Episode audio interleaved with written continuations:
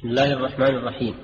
بيان الأشياء التي تفسد الصوم وما يوجب الكفارة منها. الحمد لله رب العالمين. والصلاة والسلام على نبينا محمد وآله وصحبه. وبعد. أيها المستمع الكريم لعلك عرفت من خلال الحلقات السابقة أهمية صوم رمضان وما له من مكانة في الإسلام. فكنت بحاجة إلى معرفة ما يخل بالصيام فيفسده ويبطله أو ينقص ثوابه لتحذر منها وتحافظ على صيامك مما يخل به أو يفسده. وهذا هو ما سنتحدث عنه معك في هذه الحلقة إن شاء الله. فنقول اعلم أيها المسلم أن مما يفسد الصوم بالنص والإجماع أولا الأكل والشرب فإذا أكل الصائم أو شرب عامدا ذاكرا لصومه فإنه يبطل صومه. قال الله تعالى وكلوا واشربوا حتى يتبين لكم الخيط الأبيض من الخيط الأسود من الفجر ثم أتموا الصيام إلى الليل. دلت هذه الآية الكريمة على أن الصيام إنما يتحقق بترك الأكل والشرب فإن الله سبحانه وتعالى أباحهما إلى غاية ثم أمر بالإمساك عنهما إلى الليل. في الحديث يقول النبي صلى الله عليه وسلم عن ربه عز وجل أنه قال في شأن الصائم يدع طعامه وشرابه من أجلي.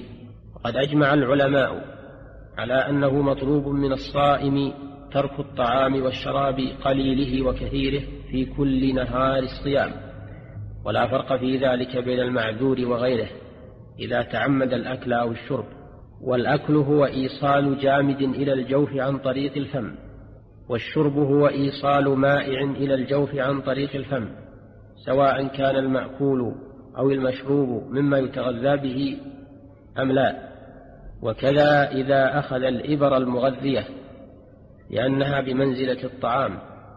وكذا إذا أخذ إبر الدواء في الوريد لأنها تخالط الدم وتسير في الجسم فهي بمنزلة الطعام والشراب.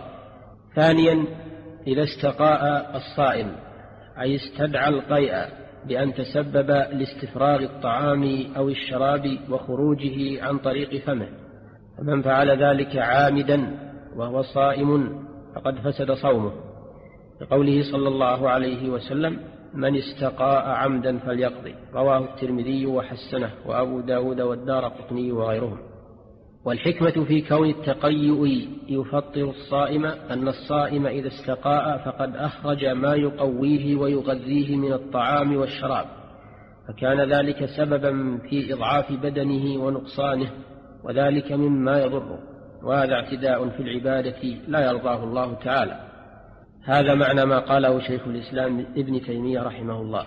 ثالثا إذا تسبب لخروج المني أو المذي منه كأن يعالج ذكره بيده أو يد غيره حتى يخرج منه المني أو المذي وهو صائم أو باشر زوجته دون الفرج أو قبلها أو لمسها لشهوة فخرج منه المني أو المذي. فما فمتى حصل منه ذلك؟ فقد فسد صومه ووجب عليه القضاء. وكذا إذا كرر النظر بشهوة فأمنى فإنه يفسد صومه. أما من احتلم في النوم وخرج منه مني فلا حرج عليه في ذلك ولا يفسد صومه. رابعا إذا حجم غيره أو احتجم هو وظهر دم عامدا ذاكرا لصومه فقد فسد صومه. والحجامة شرط ظاهر الجلد لإخراج الدم من الجسد دون العروق وهي تفطر الصائم بدليل قوله صلى الله عليه وسلم أفطر الحاجم والمحجوم رواه أحمد والترمذي. وقال ابن خزيمة ثبتت الأخبار عن رسول الله صلى الله عليه وسلم بذلك. قال شيخ الإسلام ابن تيمية رحمه الله والقول بأن الحجامة تفطر مذهب أكثر فقهاء الحديث كأحمد وإسحاق وابن خزيمة وابن المنذر وأهل الحديث الفقهاء فيه العاملين به. وهم أخص الناس باتباع محمد صلى الله عليه وسلم وهو وفق الأصول والقياس. قال رحمه الله وأما الحاجم فإنه يجتذب الهواء الذي في القارورة بامتصاصه والهواء يجتذب ما فيها من الدم فربما يدخل في حلقه وهو لا يشعر والدم من أعظم المفطرات وهو حرام في نفسه ويزيد الدم فهو من جنس المحظور. ومثل الحجامة سحب الدم واستخراجه بالفصل أو الشرط. قال الشيخ تقي الدين فبأي وجه أراد إخراج الدم؟ فبأي فبأي وجه أراد إخراج الدم؟ بفصاد أو شرط أو رعاف أفطر. كما أنه بأي وجه أخرج القيء أفطر. فتلك طرق لإخراج القيء وهذه طرق لإخراج الدم. والمعنى الموجود في الحجامة موجود في الفصاد ونحوه. قلت ومثله سحب الدم المستعمل في هذا العصر فإنه إذا سحب من الصائم دم كثير فإن ذلك يفسد صومه كالحجامة والفصاد والشرط خامسا إذا جامع في نهار رمضان فسد صومه وعليه القضاء والكفارة.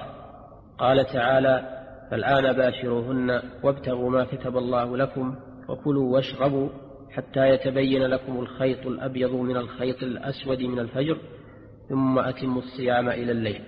فدلت الآية على أن الصيام المأمور بإتمامه ترك الوطء والأكل والشرب فإذا وجد الجماع لم يتم الصيام فيكون باطلا.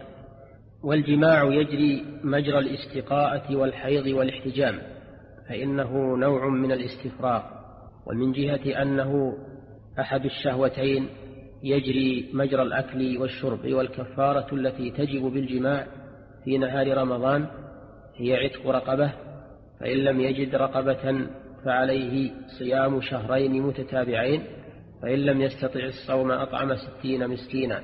هذه كفارة الوطء في رمضان وهي على الترتيب كما سمعت أولا عتق رقبة فإن لم يجد صام شهرين متتابعين فإن لم يستطع الصيام أطعم ستين مسكينا لكل مسكين مد من البر أو نصف صاع من غيره. أيها المستمع الكريم ومن أكل أو شرب ناسيا وهو صائم لم يؤثر ذلك على صيامه ولا حرج عليه. قال الله تعالى ربنا لا تؤاخذنا إن نسينا أو أخطأنا. قال النبي صلى الله عليه وسلم من نسي وهو صائم فأكل أو شرب فليتم صومه فإنما أطعمه الله وسقاه. رواه البخاري ومسلم. وكذا من طار إلى حلقه غبار أو ذباب لم يفطر لعدم إمكان التحرز من ذلك. وإلى الحلقة القادمة إن شاء الله تعالى لنواصل معك بقية الحديث عن أحكام الصيام. وصلى الله وسلم على نبينا محمد وآله وصحبه الحمد لله رب العالمين والسلام عليكم ورحمة الله وبركاته.